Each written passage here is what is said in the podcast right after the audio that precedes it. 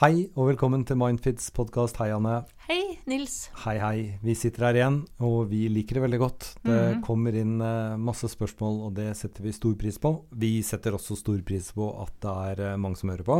Ja, Vi skal innrømme det. flere og flere. Vi følger med på disse topplistene og Ja. blir stolte. Ja, det Ja. blir vi.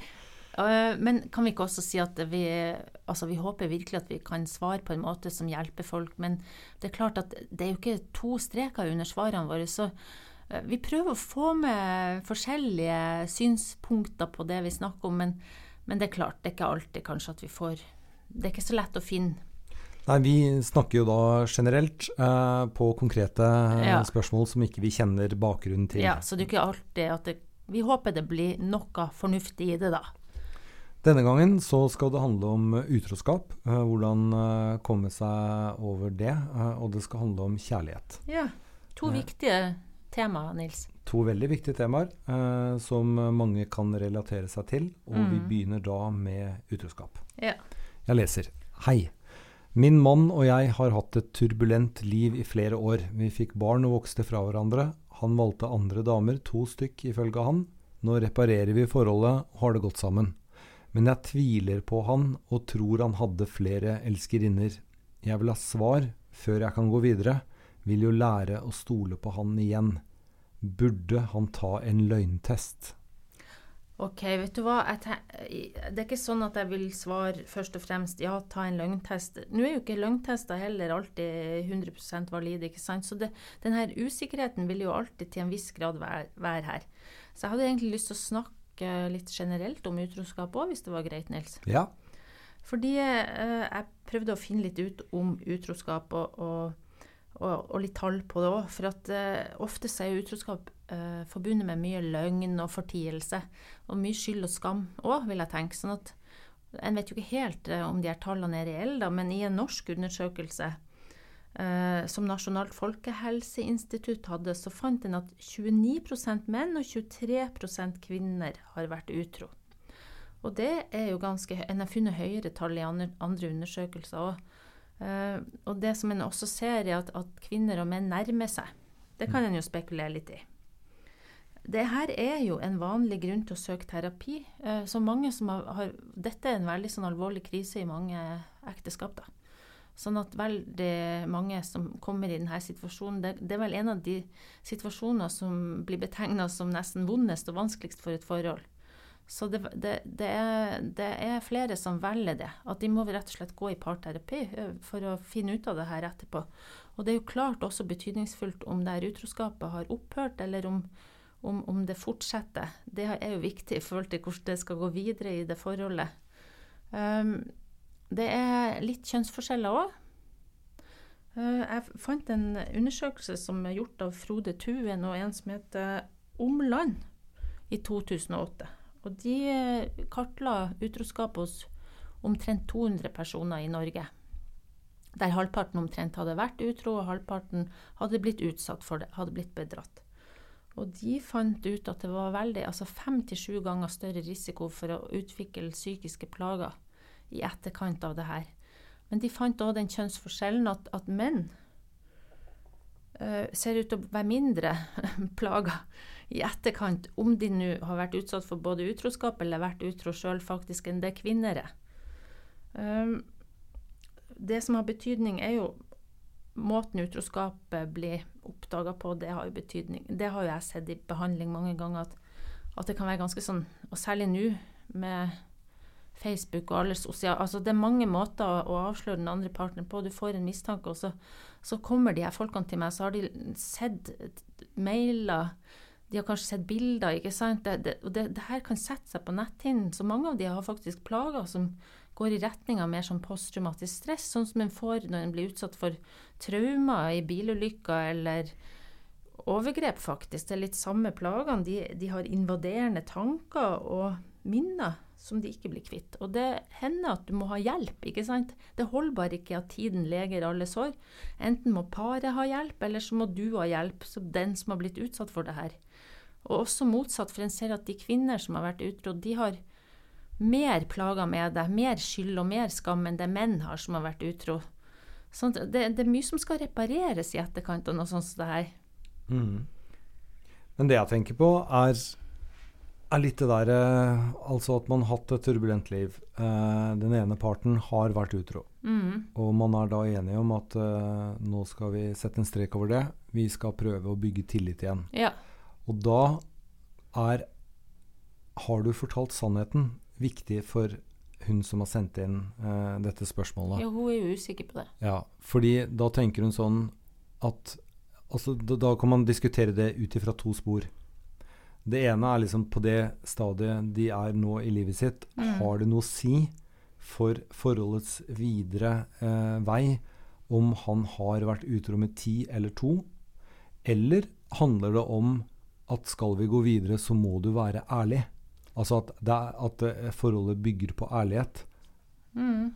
Eh, og jeg vil anta at det er det siste som eh, er det viktige. At det, det, det kan virke som en litt sånn vaklende borg hvis man da er usikker på om den andre parten, eh, som da innrømte utroskap, faktisk eh, snakka sant. Ja. Eller er det sånn at man ikke bør tenke så veldig mye på det, om det er ti eller to. Eh, altså det, det, det er jo fortiden. Eh, at det handler mest om å si ja, jeg var utro. Eh, jeg skal ikke være det mer. Eh, la oss bygge et nytt forhold. Jeg, det var mye innspill, mange innspill fra deg her. eh, men jeg tenker eh, at eh, ærlighet er jo én faktor. Eh, om en kan være sikker på at den andre nå snakker sant. Og det har litt med hvordan du har oppdaga utroskapen òg, ikke sant. For at uh, jeg har en del erfaring med at du får mistanke, og så blir, blir du fortalt løgner, og det blir benekta helt til det svart på hvitt står der. Og, og det, sannheten kommer frem pø om pø. Og det er klart at det bygger jo ikke så veldig tillit, for da blir en jo veldig usikker på fremover òg. når du måtte liksom tvinge sannheten ut av den andre, betyr det at den andre eh, og- er i stand til å finne på noe sånt igjen? Hvordan skal jeg vite det? Så det her med de som legger alle kortene på bordet, eh, det tror jeg er en sånn god faktor. ikke sant? At, at du erkjenner hva du har gjort, og du legger kortene på bordet, og, og får den andre til å skjønne at her er det ikke noe mer eh, som skal ut av skapet. Ikke flere skjeletter her, da. Det er veldig trasig hvis du underveis og seinere oppdager at det var faktisk mer, ikke sant? Sånn at jeg tror denne den nagende mistenksomheten som du kan fortsette å ha, handler veldig om hvordan den som har utsatt deg for det, også eh, snakker om det med deg etterpå. Da. Fordi her, her føler jeg liksom at de må løse opp i dette Mm. på et eller annet vis. Mm. Hvis ikke så starter de jo sitt nye forhold eh, litt vaklende. Ja. Fordi det er ikke tillit Nei. der nå. Eh, å be om en løgntest, det i hvert fall som legmann, da, så jeg Ja. har jo ingen uttalelse, så jeg Ja. kan egentlig svare bare fra levra. Jeg ville ikke ha tatt det. Jeg tror ikke innsenderen får noen svar Nei, ved å ta en løgntest. ja. fordi hvis det da er nei, så vil hun da lure på er han blant de 5% menneskene som faktisk klarer å lure en løgntest. Jeg vet heller ikke hvor du skulle få tatt en løgntest, for å si det helt ærlig. Uh, Nei, det, Nei. Men Men kan, kan jeg også bare Det er én ting til. fordi eh, det kan også være at hun trenger hjelp for sin egen del. For at noe av den usikkerheten hun kjenner på, handler om eh, det jeg snakker om med å ha noe posttraumatisk stress i kroppen. At selv om han legger alle kortene på, på bordet og har bestemt seg for å være ærlig, og det er ikke flere skjeletter i skapet, så går hun med den utryggheten i seg. Og hvis den går med den over tid og ikke klarer å stole på, så ender den med å bli sjalu, kontrollerende. Sånne ting som er veldig ødeleggende for et forhold òg. Det kan være at hun trenger eh, spesifikk hjelp. eh, Med å, helt enig. Ja, ja. Jeg syns dette paret burde gå i Ja. eh, en eller annen form for terapi. Altså, de trenger en uhilda mellommann slash kvinne. Ja, til det hjelpe kan, dem litt ut av virke sånn, i hvert fall for hennes del. Og, og forhåpentligvis at han også ønsker det. For det, det som jeg også ser noen ganger, er at, at den som har vært utro, den, den er ferdig med det. Den kan jo stole, det er jo den som har gjort det, så den har jo kontroll i den forstand at den personen vet jo om jeg kommer til å gjøre det eller ikke. ikke sant? Så det er ikke så mye å være utrygg for som det er for den andre som, som ikke har den kontrollen. Men, men jeg tenker hvis du er glad i partneren din, så tror jeg du må være villig til å være med partneren din på å få hjelp òg, hvis partneren din sliter. Ja. Og ikke bare si 'nei, det er vi ferdig med', for det blir òg veldig ødeleggende for forholdet. Vanskelig å bygge opp videre hvis, hvis du liksom sier 'nei, nei, nei, men det der skjedde jo i fjor'. Altså, jeg er ferdig med det, jeg kommer ikke til å være utro. Også, noen blir også veldig irritert hvis partner som har vært utsatt for det, nevner det igjen. Og jeg tenker En må være litt tolerant som den som har vært utro, litt tolerant med at den andre fremdeles har reaksjoner. da. Mm. Da går vi på det andre spørsmålet vi skal ta denne gangen, og det handler altså om kjærlighet. Det er litt langt, mm. men jeg leser. Jeg hørte på deres podkast om det vanskelige singellivet, og kan bare bekrefte at jeg har full forståelse for at frykten for å bli såret gjør at vi lukker igjen hjertene våre. Kjærlighetssorg er så utholdelig vondt, men det er en akseptert sorg. Jeg er en voksen dame som har vært gift, men skilt i 14 år. Jeg har hatt noen få kortvarige forhold mm, hvor jeg har gått all in, åpnet for sårbarheten, turt å vise hvem jeg er, men jeg har opplevd tre ganger de siste året at jeg har blitt forlatt. En jeg traff på nettet, bare forsvant. En annen jeg traff på nettet, var veldig glad i meg, og vi var sammen i noen uker før han ble livredd for sine egne følelser og forsvant. Begge gangene ble jeg såret og virkelig lei meg, og den siste gangen tok det flere måneder med kjærlighetssorg før jeg turte å være åpen igjen. I sommer møtte jeg en mann som jeg har kjent i mange år, men det var først nå at jeg turte å åpne meg for ham. Jeg forsøkte en gang til å åpne for kjærligheten og sårbarheten, men etter noen uker traff han en annen dame, og nå er han sammen med henne. Vi er fortsatt venner, og jeg treffer ham ofte. Jeg har fortalt ham om følelsene jeg hadde for ham, men at jeg har slått dette helt vekk. Det er selvfølgelig ikke helt sant. Sannheten er at jeg er veldig såret, det gjør vondt hver gang jeg ser disse sammen, jeg er fortsatt veldig lei meg, og kjærlighetssorgen gjør smertelig vondt.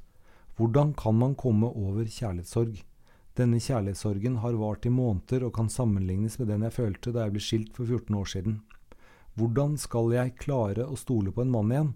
Hvordan skal jeg klare å åpne opp hjertet mitt igjen og gjøre meg sårbar og gjøre meg tilgjengelig for enda flere mulige skuffelser?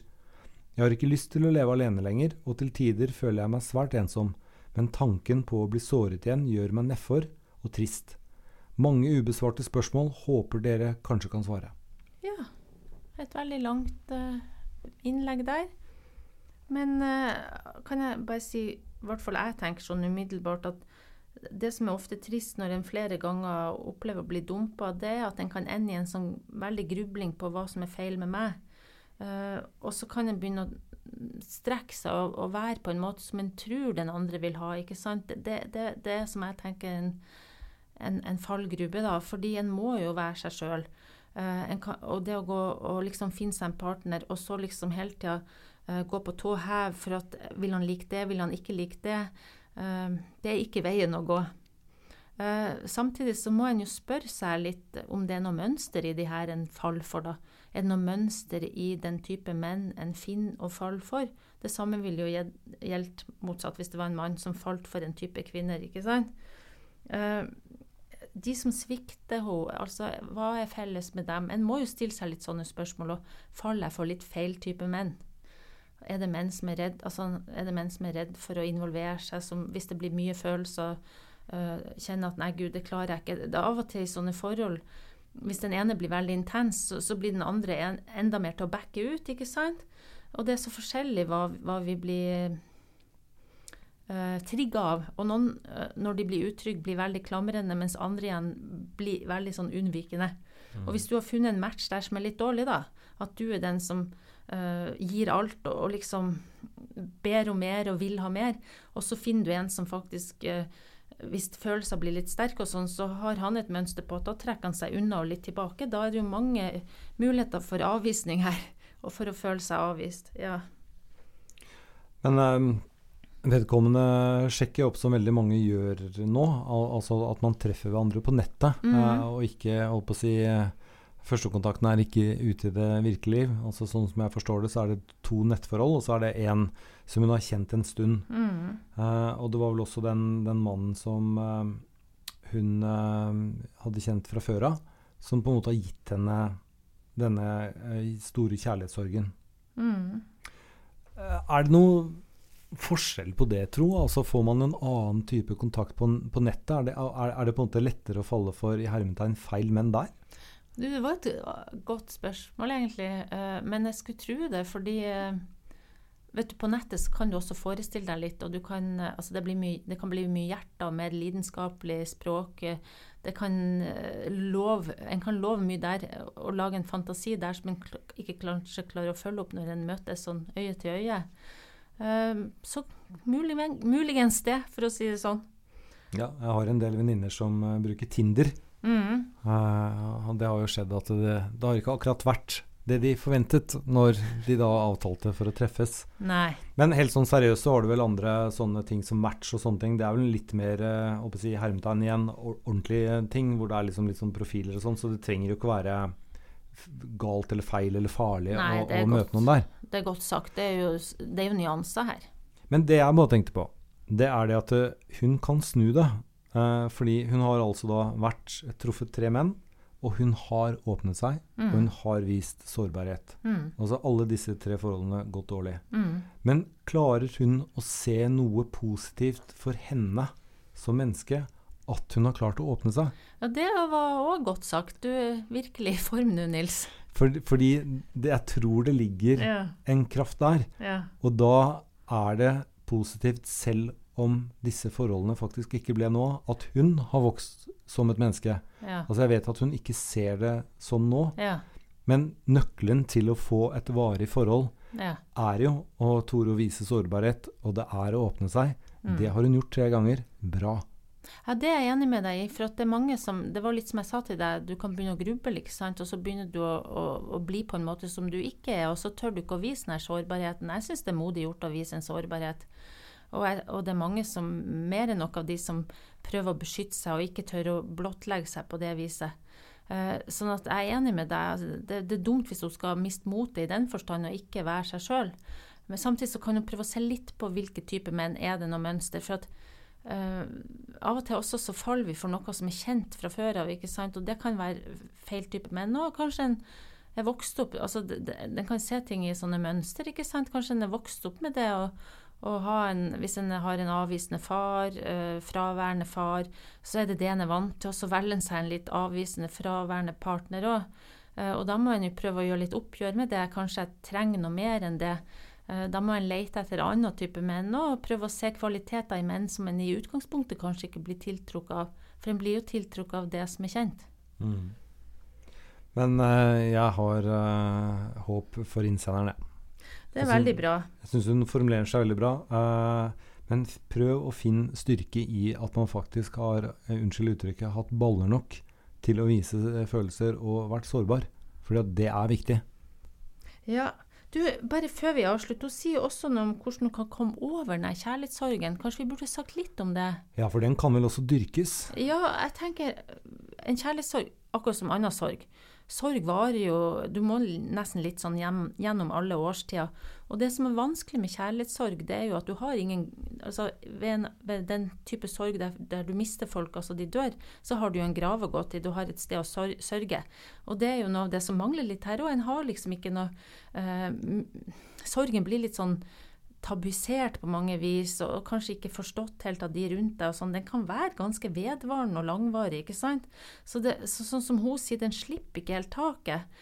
Uh, jeg vil ikke si at, at uh, altså, dyrke den uh, er kanskje ikke de ordene jeg ville valgt, men, men etter ei stund, etter å liksom komme over det første sjokket og vært litt igjennom den første fortvilelsen og kanskje sinnet òg, etter hvert der så må en prøve å fylle livet med noe positivt og prøve å legge kjærlighetssorgen litt bort noen ganger. da, sånn at eh, en, en, må, en, må, være litt sånn på vakt for masse grublerier rundt det som skjedde, eh, eller masse masse sånn tanker rundt hvor fin han var, hvor bra vi hadde det. Du lager en sånn gylden sky over hvor bra det var, ikke sant? Når, når det har gått, gått ei stund, så, så ta litt pauser fra det. Mm.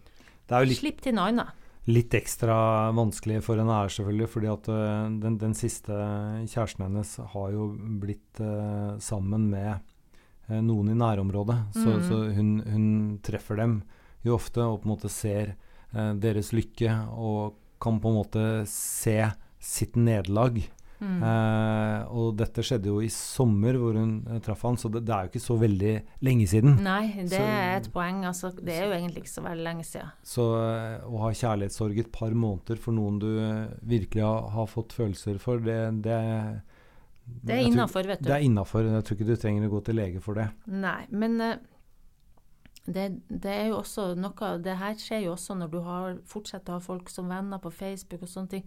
Det er jo liksom helt å bli påminnet dem, ja. og deres lykke, det er jo ikke så godt. Det man kan gjøre på Facebook, er jo å bare skjule eh, innleggene eh, fra noen uten at de, de får vite det. Mm.